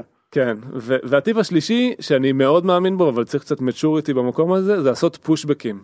משקיעים נכון. מבקשים דברים גבול. ולשים גבולות להגיד להם חבר'ה זה אנחנו לא מסתכלים על זה זה לא נכון. אה, לא, זה לא, שאלה לא לגיטימית לא מבינים פה משהו. הדרך שעשינו את הפושבק הזה זה להגיד להם what do you need to make a decision? והתעקשנו על זה וניסינו להבין לעומק מה הם באמת צריכים לקבל נכון. החלטה. האם הוא שואל שאלה כי זה קפץ לו uh, בראש או שהוא שואל שאלה למה הוא צריך לקבל החלטה ושוב פה עזר מאוד ה process ולקדם את כולם קדימה. אמרנו תשמע אין זמן זה ייקח לנו נניח יומיים שלושה והדיל מתקדם אז כאילו אתה יכול לחכות אבל ואם הדיל לא היה מתקדם זה היה קשה לנו להגיד את זה. כן חשוב להגיד שכל מה שעושים ב process חייב להתבסס ולהיות uh, רק עובדות אמיתיות. לנו זה עבד. אי אפשר. אני חושב שיש כאלה שמסוגלים לייצר ארג'נסי uh, במקום שאין ארג'נסי אני חושב שאנחנו לעולם, מעולם לא מאמינה, לא חושב שזה אמיתי. אני כאילו, חושבת שאתה בונה לא... פה מערכת יחסים ואתה רוצה לבנות משהו שהוא אמיתי ובבטן לכולנו זה תמיד עבד כי ידענו שאנחנו רק אומרים להם את האמת ומשקפים אותה בצורה שתגרום להם לזוז. כן. איך לשקף את האמת זה משהו אחר. נכון. אבל אם, אף משקיע לא בא לארץ והרגע אמרת שכולם היו בארץ, אתה בבעיה עם עצמך כאילו, ואם אי אפשר לייצר ארג'נסי אמיתי אז הבעיה היא במקום אחר בתהליך. רק שנייה על הנקודה הזאת של הפושבקים שאני חושבת שהיא מאוד חשובה כי הרבה פעמים עוד פעם, יש איזשהו פחד מלהגיד לא, ואולי אנחנו מפספסים את השאלה. אז באמת גם דבר אחד נוסף שלמדנו לעשות זה פשוט לשאול למה. למה אתה שואל את השאלה הזאת? ואז הרבה פעמים זיהינו שאפשר לעזור להם לקבל תשובה, אבל התשובה נמצאת בכלל במקום אחר. או בקריאה אחרת של הדאטה שכבר יש אצלהם, או בנתון אחר שכן יש לנו לשלוף אותו ויעשה להם סדר, או פשוט בתשובה מאוד בסיסית, לא ככה, החברה עובדת, אין לנו free tier, לכן השאלה שלך על free tier איננה רלוונטית. לא, יכול להיות קיצוני, אבל את צודקת. את צודקת, יש המון פרשנויות שנותנים, ואז מבקשים עוד data להבין את הפרשנות, וללכת אחורה להבין מה מטריד אותם. בוא ניתן אפילו דוגמה קונקרטית. אה, בא אחד המשקיעים, אמר, אני רוצה לראות את ה marketing per channel, אה, ואנחנו אומרים, תקשיב, ה attribution model שלנו מאוד מסובך. שואלים, למה אתה רוצה? כי ראיתי שבדצמבר התקציב ירד. אז אני אומר לו, אה, זה בכוונה, כי כל דצמבר אנחנו רואים את התקציב. אה, אוקיי, סבבה, הבנתי, אז אני לא צריך את הקובץ נכון. הזה. אז כאילו, במקום חסכת עכשיו... לעצמך עבודה, אבל עזבי את זה, עכשיו אני אשלח לו per channel, הוא יתחיל לעשות שם כל מיני ניתוחים ולהמציא לעצמו דברים שבכלל הוא מלכתחילה נכון. לא עניין אותו, בסדר? אז במקום כאילו להגיד מה מפריע להם, הרבה פעמים הם מבקשים עוד data בשביל להבין בעצמם, ואם אתה מנסה לחפור ולהבין את הסיבה, הרבה יותר קל כאילו לענות ולהתקדם הלאה. וכאן אגב גם ה process תומך, כי אם יש שאלה, וזה כן קרה, שחוזרת מחמש אשכולות, אנחנו מבינים שלנו חסר משהו ב data. זאת אומרת, אם כולם שאלו את אותה השאלה, אנחנו צריכים לייצר איזושהי הבהרה, זה לא שכולם פה נכון. פתאום מציקים לנו או משוגעים. גם שם צריך לעשות פרוסס, כי גם זה לא טוב לענות יותר מדי מהר. כאילו, חשוב אה, לייצר תיאום ציפיות מול המשקיע. בהתחלה, כשאתה מתלהב ומישהו שואל אותך שאלה, יש לך את התשובה, אתה ישר עונה לו תוך שעה. עדיף לחכות יום. כי אז הוא אומר, טוב, אני אשאל אותו עוד שאלה, אני אחשוב שנייה לפני זה, כי אני לא רוצה לשגע אותו, או שאני רואה שזה לוקח להם זמן, בטח הם עסוקים בעוד דברים. דווקא המהירות לפעמים יכולה לפגוע בך. אז כאילו, כל פעם... אני שם כוכבית על הדבר הזה, כלומר, זה תלוי בבן אדם והאם המידע הזה עוזר לו לקבל החלטה או לא. כלומר, איפה אנחנו בשלב בתהליך שאתה רוצה לקדם את התהליך, או רגע ל- להאט כן, אותו. אבל רועי, כאילו, זה אזורים יש פשוט קטע של שאתה- feed the beast. אין מה לעשות שרועי עדיין היה קצת יותר רחוק מהדאטה רום תמיד. זה נכתב בדם כשערן ואני נורא נורא שמחנו וענינו לאיזה אנליסטית חמודה, ואחרי חמש דקות קיבלנו עוד שאלה, עוד עשר שאלות. בצ'אט. כן. ואז אה, הצ'אט אה, אינטרפייס הזה פחות עבד לנו, זה לא שאלות כבקשתך, תשלחי חמש שאלות, יהיה לך אולי עוד צ'אנס לעוד חמש, ו... וזה לא, זה עוזר לה הניהול לעשות של פוקוס, הדבר הזה, נכון. אבל אה, כשאת. מזכירה את האנליסטית הזאת, היא לא שאלה שאלות שעוזרות לה לקבל החלטה. או לקרן להתקדם. אז כלומר אני אומר, אם יש, ואני זוכר שהיינו גם בתקופות מאוד אינטנסיביות לענות על המון המון שאלות, כן. כי זה היה לקראת הסוף והבנו שזה באמת חשוב להם. נכון. אז זה, זה הפרדה בין שני הסיטואציות האלה. במצבי קיצון ערן גם אה, ממש פתח אה, אקסל והסביר לאנשים איך מחשבים דברים מסוימים כדי שהם ילמדו לבד. אה, זהו, והטיפ הרביעי והאחרון זה לנסות, ה data חייב להיות קוהרנטי בין הקבצים, בסדר? כאילו, דברים שעשינו בעבר כטעות, זה שכל פעם שעשינו אקסל שלפנו מידע מה database. ואז פתאום אתה רואה שבאקסל אחד המספרים לא תואמים ב-100% לאקסל שני, וזה פותח מלא שאלות של המשקיעים. מה שעשינו השנה, ואני ממליץ לכל מי שעושה data room, זה עשינו dump של כל הנתונים לקובץ אקסל אחד, ואת כל האקסלים בעצם הוצאנו ממנו, ווידאנו שכל המספרים מסתכמים בכל הקבצים. שלא יהיה מצב שפתאום בחודש מסוים נראה שיש יותר לקוחות ופחות לקוחות. אה, זה מאוד מאוד חשוב כי המשקיעים מה שהם מחפשים זה לראות את המספרים, לראות consistency, להשוות את זה גם לסבבים קודמים, אם היה להם את ה data בסבבים הקודמים, ומאוד חשוב כאילו לייצר להם ביטחון, שיש לך ביטחון על ה data ושאתה, אה, כל המספרים בעצם יש להם אחיזה במציאות. אז זה הטיפ הרביעי. זה גם כן, זה פשוט, ה database הוא גם אה, one source of records, אבל כל פעם מישהו עשה איזושהי שאילתה בצורה שונה, נכון. שהסתכמה אחרת, ואחרי זה אתה צריך להסביר את זה. אז פה זה פשוט מנע את כל הבעיות האלה מראש, ולא היינו צריכים להסביר כלום, כי זה היה אותו data. אם, אם אני חושב על זה, זה שהוא באקסל, זה נותן לכולם אפשרות לראות את ה-raw data, כאילו לכל מי שבתהליך. ולהבין את כל ההנחות שהפעלנו שיתפנו בעצמנו. את ה-raw data? למי שביקש למי כן. שביקש, כן. כן. כן. מי שביקש לעשות את כל ה-reverse engineering כן. קיבל את אז האפשרות. אנחנו בעצם עשינו קראנץ' למספרים והגשנו את זה ומי שביקש לראות את המספרים מאחורי המספרים אז הבאנו ממש אקסל ענקי עם מאות אלפי שורות של כל ה-raw data. ואגב אני חייב להכניס פה אנקדוטה שהיה לנו צוות מדהים של אנשים. מביג בריין ומפייננס וכפיר ואייל אייל. ורן עמיאל ודניאל ברוך שהם עשו את זה והם עשו עבודה מטורפת וזה כוח אדיר שהיה לנו אותם. והם... היה פה צוות ממש ענק שבכלל עבד על כל נכון. הסיבוב, זה גם שווה נכון. להגיד, אה, גם מבחינת האופרציה, ההיקף אופרציה של הדבר הזה. לא יודע כמה, היום אנחנו הולכים לארוחת ערב כי לחגוג את הדבר האנשים, הזה, אבל נכון. כן, אז הי- היו לא כן. מעט אנשים שתמכו בכל הדבר הזה נכון, מכל הכיוונים. מאוריאל באופרציה ונשים בדיזיין מיטל שזרה עם המצגת ושירן וכאילו, ו- בליגל. ושירן ולירון ורותם. בסדר, כן. והתנצלות לכל מי ששכחנו, כן. אבל... ו- עבדו על זה למעלה והליגלסים מ-20 איש. במיתר, אבל... עבדו על זה כן, מעל- מעל 20 איש בחברה. הפואנטה כן זה שזה היה פרויקט מאוד רציני מכל הכיוונים כדי לארגן אותו ולתמוך שלנו נניח יהיה מספיק שקט ללכת ו... מה שנקרא לא יודע למכור לענות על תשובות להיות איפה שאנחנו צריכים להיות כן, כן, בהם. ולקבל את ההחלטות אה, נכון. עם כל האנשים אז זה היה סיבוב מאוד מורכב וגם בעיקר בגלל הכמות של המשקיעים המספר של המשקיעים שפנינו אליהם אז כלומר אמרנו בהתחלה כאילו 50 ה-50 האלה זה very demanding בדאטה רום. אה, זה גם. אתה מזכיר את זה בזמן טוב, כי השלב הבא אה, הוא בעצם הטיסה עצמה לסן פרנסיסקו וניו יורק, ובחמישה ימים עשינו 15 פגישות. אה, כן טיפ קטן, עוד פעם לא טריוויאלי כי פעם קודמת לא עשינו את זה ובזבזנו הרבה זמן בנסיעות, זה לוודא, לפתוח מפה ובעצם לקבץ בעצמנו את הפגישות ככה שמה שקורה בסן פרנסיסקו יקרה תמיד בסן פרנסיסקו. מנלו פארק נשמע קרוב אבל זה לא כזה קרוב. אמ, ובעצם כן לייצר איזשהו לו"ז שתומך אנרגטית במה שאנחנו צריכים. אבל הפואנטה של הנקודה הזאת היא דווקא משהו טיפה מבאס שנקרא שיט סנדוויץ' כמו שאנחנו קוראים לו.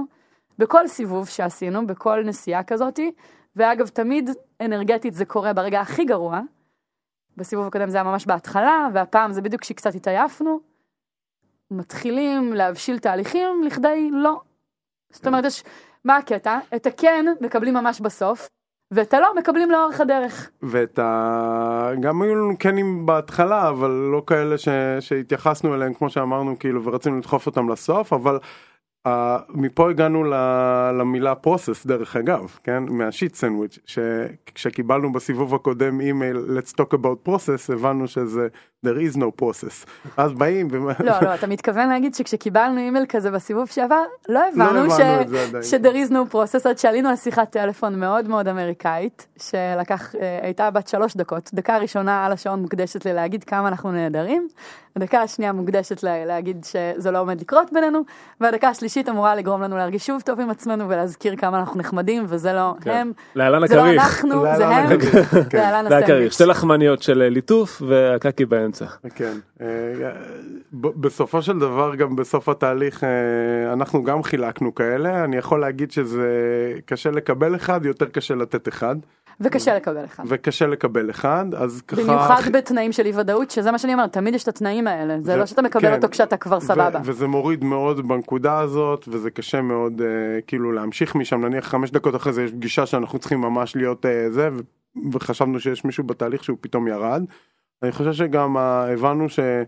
אנרגטית מי שמקבל את הכריך בטלפון זה מוריד אותו יותר אז חילקנו ככה שווה בשווה את הכריכים נכון. בינינו כי נכון. כי גם זה היה לנו כזה ברור שזה קורה אני חושב שגם היו כמה הפתעות מישהו רצה לדבר איתנו אמרנו טוב הנה זה כריך בוא תדבר איתו וזה היה דווקא מאוד חיובי נכון. היו גם כאלה כאלה נקודות שלא קראנו נכון, נכון. את ה... וגם כן למדנו אבל להחליט מתי לעשות את השיחות האלה שוב אם פעם ברגע שמשקיע שולח מייל היינו אומרים יאללה נעלה על שיחה היום כשזיהינו שזה מייל שהוא קצת אה, עמום ויש סיכוי לקבל שם בשורה לא נעימה אמרנו לא, לא, לא, לא נעשה את זה לפני הפגישה, אבל, נעשה את זה בסוף היום. כאילו כל, כל מה שאנחנו מתארים עכשיו מתחבר לי למשהו אפילו טיפה יותר רחב, של יש המון reading ל relationship, בסדר? כאילו, שמישהו בעניין מאוד מרגישים את זה, בסדר? כאילו, אתה כותב לו מייל, הוא חוזר. אתה עושה לו וואטסאפ, הוא חוזר. הוא שולח לך מייל שהוא מה קורה, אני רוצה להתקדם.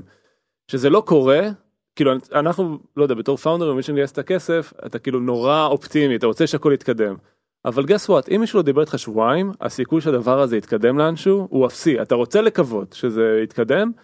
עכשיו, אני מה, לא... מהצד השני גם כאילו אם מישהו פתאום לא מדבר איתך יומיים אתה אומר מה קרה. נכון. אתה יודע זה כאילו ואז לא קרה כלום. נכון. וגם אמרנו להם בואו תחכו היה לנו גם המון סיטואציות של לדעתי misreading של עצמי וכל המקום שהתיישרנו כל יום מחדש זה שכאילו פתאום אני אומר הוא לא מדבר איתנו יומיים הוא לא בעניין אמרנו אבל אמרנו לו לחכות שבוע.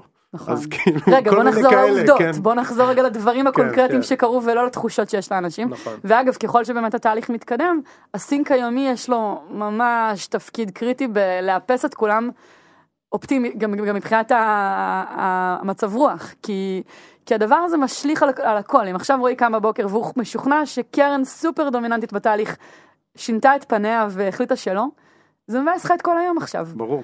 ו... זה גם הורס את השיחות, נכון. אז גם אני חושב, תשמעו, כן, ואת המומנט, ואת המומנטום, כן. בדיוק. הניהול האנרגטי שעשינו פה בתוך הסיבוב הזה היה מאוד משמעותי, אני זוכר המון פעמים שאני קמתי בתחושה לא טובה לגבי משהו שחשבתי שיקרה, אז, אז פתאום ערן, אה, החלפנו מצגות והחלפנו עם מי נדבר והפוך ועם ליאור, אז כאילו... מה זה, היו ימים שהושבת אותנו בכוח למדיטציה לפני שהתחלנו לדבר, מרוב שכל אחד היה קצת במקום אחר, לא באמת, כן. זה... זה כן שנייה להגיד שאנרגטית זה דבר מאוד מאוד אינטנסיבי.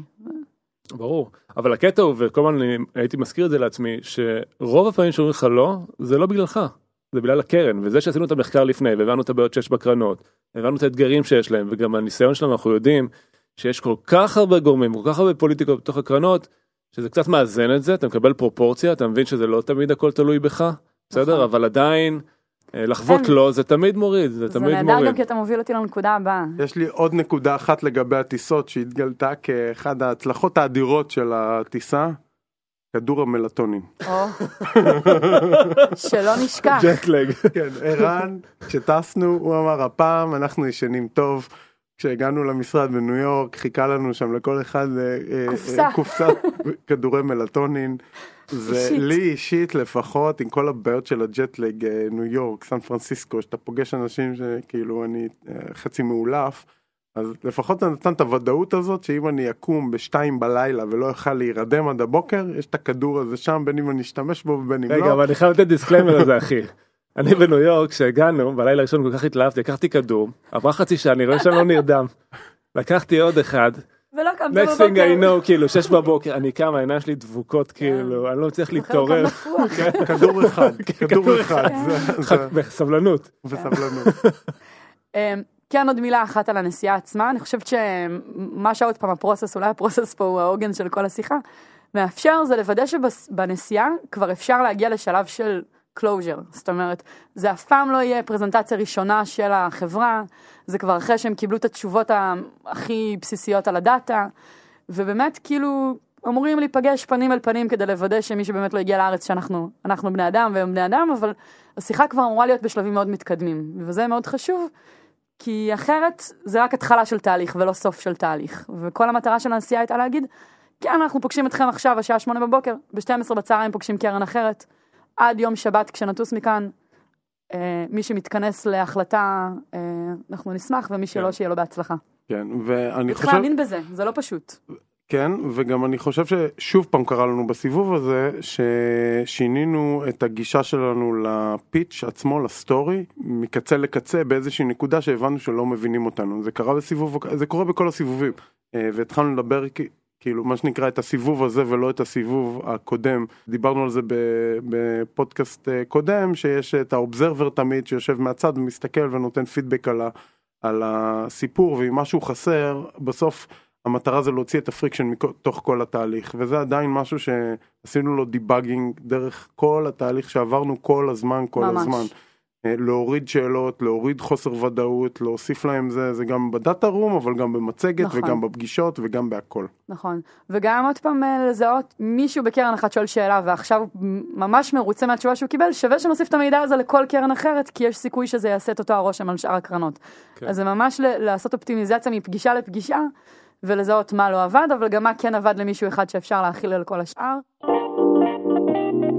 והגענו לשלב הכמעט אחרון, יש עוד שלב אחרון של closure אחר כך, אבל אולי השלב המרכזי שממנו יוצאים term sheet.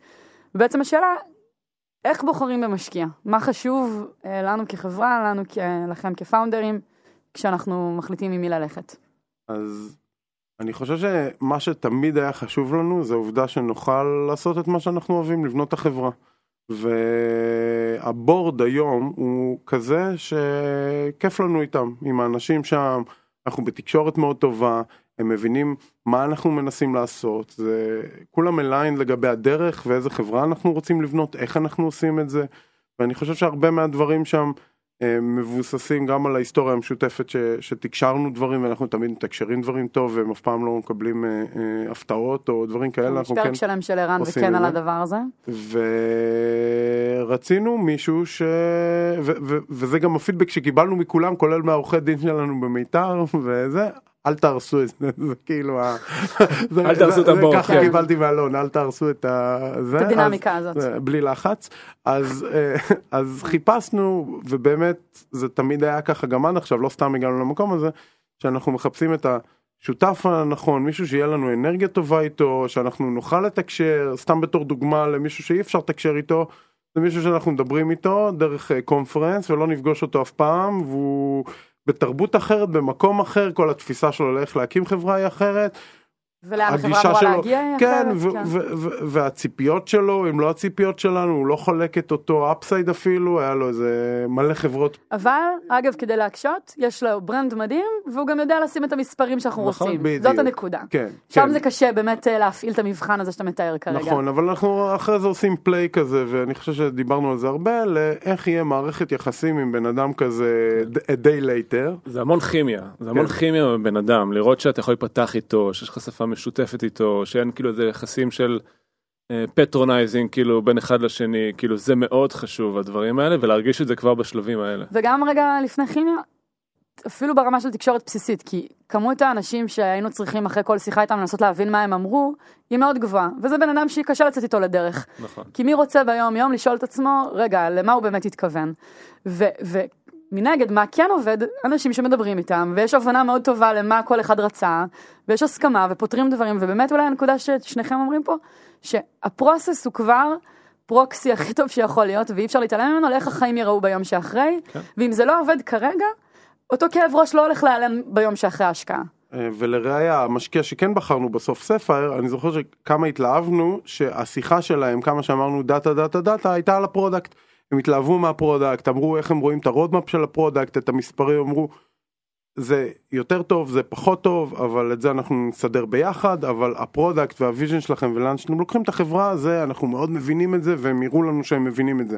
אז הבנו שזה השיחה הולכת להיות ככה, על זה אנחנו נדבר, הם מבינים מה שאנחנו רואים שהמוצר הוא זה שהולך לנצח וזה alignment אדיר בשבילנו. אמ, ואתה תקשורת טובה וכימיה טובה, נכון. כאילו. האמת אני לא ציפיתי בסיבוב הזה כלומר זה סיבוב שהוא כל כך קרוב לשלבים גבוהים לא אני לא לא היה לי את הציפייה אולי לא בצדק אבל לא היה לי את הציפייה שזאת הסוג השיחה שיהיה בנקודה הזאת על ה product. על ה product כן. כן שדווקא בגלל זה אה, אה, כן אה, הם התלהבו מאיתנו יותר אתה כמובן מתלהב מהמספרים. מזה שהם התלהבו מה product. ברור. אני ברור. מאוד אהבתי, אני מאוד אהבתי את זה שהם, היה להם integrity לאורך כל התהליך. כל פעם שהם אמרו שהם יעשו משהו במועד מסוים, או בדרך מסוימת, הם אכן עשו אותו. כמות הקרנות, כן, כן, נבוא לארץ, ואז הם בסוף לא באים. בטח, טרם שיט מחר בבוקר אצלכם במייל, עברו חמישה ימים, כן, מחר בבוקר. זה מאוד מאוד, אה, האמת מרשים, כשיש קרן, שכל פעם שהם אומרים משהו, אה, או מצהירים איזושהי כוונה, הם עומדים מאחוריה, ו- וקדימה עוד פעם, כשיש החלטות שאתם צריכים לקבל בצורה מהירה, או דברים לא טריוויאליים שקורים, כן. אותי זה מאוד מרגיע לדעת שאלה השחקנים ו- מסביב לשולחן. ושוב זה כאילו אי אפשר לתת את זה מתחת לשולחן זה משהו שתפגוש רגע אחרי שהם יגידו כן כי אחרי שהם אומרים כן על term sheet יש כאילו את כל התהליך של ה-due diligence ואת הכתיבה של המסמכים ואולי גם זה המקום להרים לצוות עורכי דין המדהים שלנו במיתר אה, אלון ואפרת שעשו עבודה מדהימה. ולשירן ואדווה מהצוות שלנו אה, שירן שמנהלת כל הליגה אצלנו.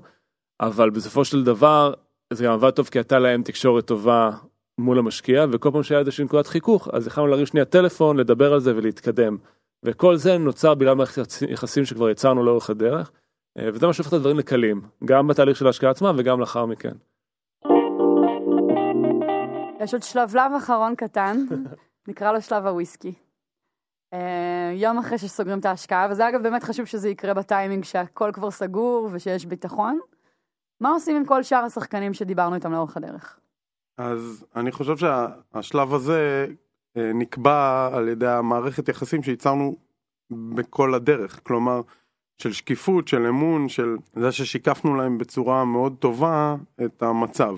כלומר, הם תמיד ידעו שיש שחקנים. אחרים, כלומר, צריך להגיד אולי שהם מאוד, הרבה מהם מאוד מאוכזבים בנקודה הזאת שאומרים להם רגע זהו נסגר. אז הנקודה הזאת שהגענו אליה היא צריכה להיות כמו כל מערכת יחסים עם תיאום ציפיות מראש וכאלה, אני חושב שעשינו את זה בהרבה מקומות טוב, בכמה מקומות פחות טוב, כמו כל דבר, אבל המטרה תמיד הייתה לייצר שקיפות סביב התהליך ולהגיד להם, כלומר אני חושב שגם הרבה לא האמינו לנו, כשאמרנו יש term sheet, אז אומרים כן, אז למה אתה מדבר איתנו, אבל אחרי זה כאילו גילו שאמרנו את האמת all along, אז כי ככה עשינו את זה.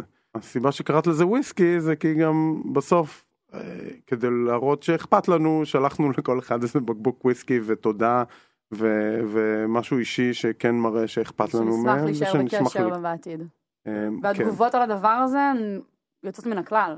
כן ואפילו אפילו זה עוד יותר קיצוני במקרה שלנו כי הרבה מאוד מהקרנות שדיברנו איתם הם יכול להיות רלוונטיות בשלב הבא שאם אנחנו נדביק את החברה בהמשך.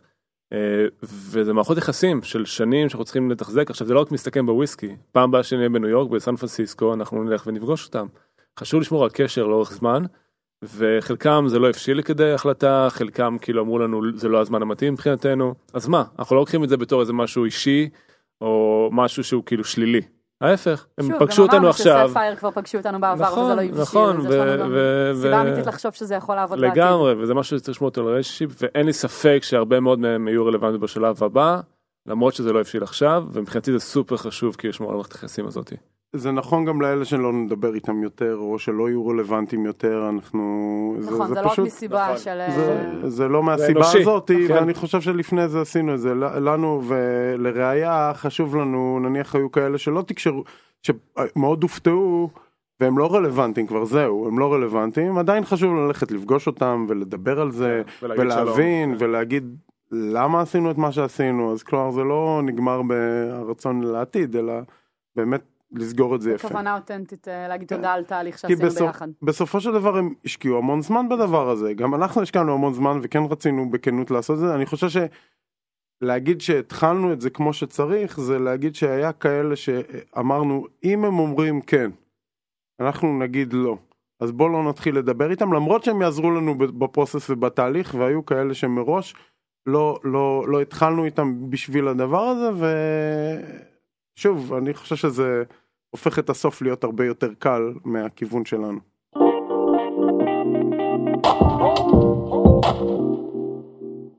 איזה יופי, עשינו פרק על הסיבוב. יאללה.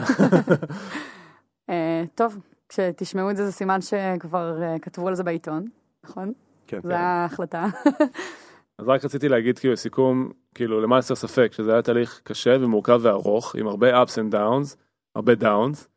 אה, וכאילו הטיפים שאמרנו, מה שדיברנו עכשיו, זה לא איך מגייסים 150 מיליון דולר. שזה, כאילו צריך לעשות הרבה דברים בדרך ולבנות חברה טובה ושהמוצר חיי טוב ושיאמינו לך וגם הרבה מזל. אלא הדברים שלמדנו, כאילו תוך כדי, שהם יכולים לשפר את הסיכויים או את היכולת שלך לגייס את הכסף בהינתן החברה שלך. פשוט דברים שלמדנו על הבשר שלנו, כאילו כל אחד מהם ועשינו טעויות. אז בעיניי כאילו אם מישהו ייקח פה איזשהו טייק אווי על, על דאטה רום או על הפרוסס או, על איך, אנשים, או על כן. אנשים או לא לקרוא יותר מדי אם אומרים לך לא ולהבין שכאילו גם בצד השני יש לו הרבה אתגרים בפני עצמו זה, זה אחלה מבחינתנו ואני בטוח שזה יכול לעזור למי שמגייס כסף.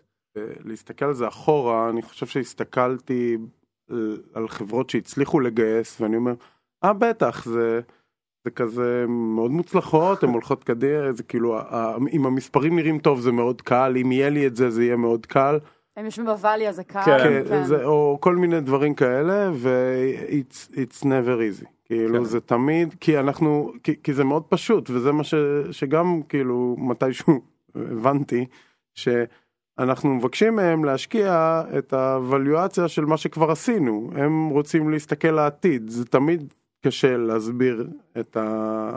למה אנחנו יכולים לעשות עוד פעם 10x. אמ, ו- ובגלל זה זה תמיד קשה, כי זה עוד פעם הוואליואציה הבאה וזה סוחט בצורה קיצונית. אני איפשהו זוכר במהלך הסיבוב ש- שאמרתי לערן אם פעם הבאה כאילו אני אגיד שזה יאללה בוא נעשה עוד סיבוב כי אח- אחרי זה כשמסיימים זה כזה מרגיש מאוד חיובי אז תיתן לי איזה כאפה על הראש אבל לא אבל יותר אה. מזה אתה יודע הקרנות האלה עושות 3 4 5 השקעות בשנה ואתה צריך להיות אחת מהם והם אומרים 99.9 אחוז לא. ואם אתה מסתכל על זה בפרספקטיבה כזאת אתה מבין. זה קשה לא משנה מה גם אם אתה הדבר הכי מוצלח כן, שקיים בכדור הארץ. ברור אני, אני אוסיף מ, ממש מעצמי, שכבר די מזמן, אולי מאז שהכרנו איפשהו שם עוד פעם, ב-2015, הבנתי שיש מקום לשנות בכלל בעולם את הדינמיקה בין משקיעים ליזמים. זאת אומרת, זה צריך להיות יותר שוויוני, השיח צריך להיות שקוף משני הצדדים. זאת התחלה של מערכת יחסים שאם היא, היא מבשילה, אז אחר כך בעצם באמת נהיים שותפים והופכים את החברה ליותר טובה ביחד. אחד תורם כסף, השני תורם את כל היכולות והזמן שלו. ו... ואני חושבת שכל מה שתיארנו היום זה באמת דרכים לעשות את זה ו... ולהחזיר את הביטחון בהבנה של התהליך ובהבנה של אנשים. כאילו ממש חשוב לזכור שזה בני אדם, וכל פעם שקצת רצינו לכעוס על מישהו שאולי עובד עלינו, עושה לנו מניפולציה, הזכרנו לעצמנו שהוא באמת בן אדם עם רגשות ופחדים בעצמו, וגם הוא צריך uh, להוכיח את עצמו בתוך הקרן שלו, ואני חושבת שככל שהפכנו את הדבר הזה ליותר נורמלי uh, ויותר אנושי, היה לנו יותר קל להתקדם. אה, ו- וגם את זה הייתי שמחה שכל אה, יזם שמקשיב לפרק הזה יוכל לקחת איתו, שבסוף זה בני אדם, יאללה. מדברים עם בני אדם. היה משהו שממש אהבתי בתהליך של הסיבוב, וזה קרה לנו בהרבה סיבובים לפני זה, זה שזה מביא לנו המון אנרגיה, כי אנחנו לומדים גם איפה אנחנו לא טובים. הרי איפשהו בתוך התהליך באים חברה שאנחנו חושבים שהיא במקום מסוים, ואנחנו לומדים כל כך הרבה על איך אנשים מסתכלים עלינו מבחוץ, ואיך הם, מה שנקרא, שופטים את ההצלחה שלהם האישית, דרך מה שאנחנו אה, אה, באים, הרי בסוף אנחנו באים למכור להם השקעה בחברה. והם רוצים להיות חלק בזה, והם צריכים לראות איך הם מצליחים איתנו הלאה. והכמות דברים שלמדנו על החברה ואיך אנחנו מודדים דברים לא נכון או כן נכון ואיך אנחנו צריכים להסתכל על זה הייתה אינסופית. אני מרגיש אחרי הסיבוב הזה שזה אה, כאילו חברה חדשה או התחלה חדשה אמיתית שאפשר מפה לקחת אה, אה, אה, קדימה לבנות דברים שונה לחלוטין. אז כלומר הסיבוב הזה זה לא היה רק עוד כסף בבנק, זה היה גם תהליך למידה ענק שלנו, שכמובן אה, חלק גדול ממנו קשור בלסבול בדרך עם זה שאנחנו לא בסדר ולא טובים, ונראה שדברים, אה, אנחנו לא מודדים דברים נכון או מסתכלים עליהם בצורה נכונה. אה, אז אני חושב שזה גם חלק מהדרך שצריך להיות מוכנים אליה, כאילו כחלק מהלא, אלא זה לא רק, טוב בוא נשיג את הדבר הזה, אלא גם איפה אנחנו יכולים להשתפר, איפה אנחנו לא בסדר, איפה הפרספקטיבה שלהם היא... איזה למידות אפשר לקבל על החברה עצמה, נכון? ובלי זה זה נהיה יותר, הרבה יותר קשה. אם אין את המוכנות הזאת לבוא ולספוג מהצד השני. ולשים את האגו בצד ולהבין שכשאומרים לך משהו אולי הוא באמת אפשר ללמוד ממנו גם בלי קשר להאם יהיה כסף בסוף התהליך הזה או לא. עוד דבר שמתחבר לנקודה הזאת זה שהפעם השכלנו ממש גם לשים את המשקיעים האלה מול, משקיעים הפוטנציאליים, מול החברה עצמה, מול אה, אה, אנש, אנשי מפתח בחברה, כדי שהם יספגו ישירות את הפידבק הזה, וזה היה מדהים, יש קרן שהגענו איתה לשלבים מאוד מתקדמים ובסוף זה לא הבשיל, אבל לדעתי אחד הדברים הכי טובים שקיבלנו מהם היה session שלם שהם העבירו לראשי אמ, צוותים אצלנו, שבהם, שב session הזה הם הסבירו איך אנחנו נמדדים ביחס לחברות אחרות, מה חסר כדי שנהיה top class באזורים שאנחנו עדיין לא הכי טובים בהם, מה יכולה להיות, אה, מה יכול להיות ערך של קרן עבור חברה כמונו. זה פתח לאנשים פה את הראש, זה לפעמים הדבר הכי טוב שיכול לקרות זה שזה יגיע מאזור בלתי מתווך כזה. ומהצד השני נתנו להם גם לפגוש פה את uh, חלק מההנהלה של החברה בלי להסיט יותר מדי מהתשומת לב והכל אבל זה גייס את כולם לטובת התהליך הזה וזה גם היה מדהים מבחינת ה relationship עם המשקיעים האלה. הכי מדהים היה שלא הייתם בחדר בסשנים האלה ושהם ראו שאנשים מובילים את הדברים בעצמם ושה alignment הוא אמיתי ואותנטי שלא צריך שמישהו יכווין את המסרים. כל אחד עמד לבד עם עצמו מול המשקיעים הפוטנציאליים, וידע לדבר את אותו ה storytelling האמיתי שהובלנו מולם בעצם בשלבים מקדימים. יאללה, עשינו את זה. עשינו את זה. אז תודה לך ערן, ותודה לך רועי. תודה ליאור. תודה ליאור. ותודה לכל מי שהאזין. אם יש לכם עוד שאלות, אנחנו תמיד כאן כדי לענות על דברים שקשורים לסבבים ובכלל. Startup for startup for startup.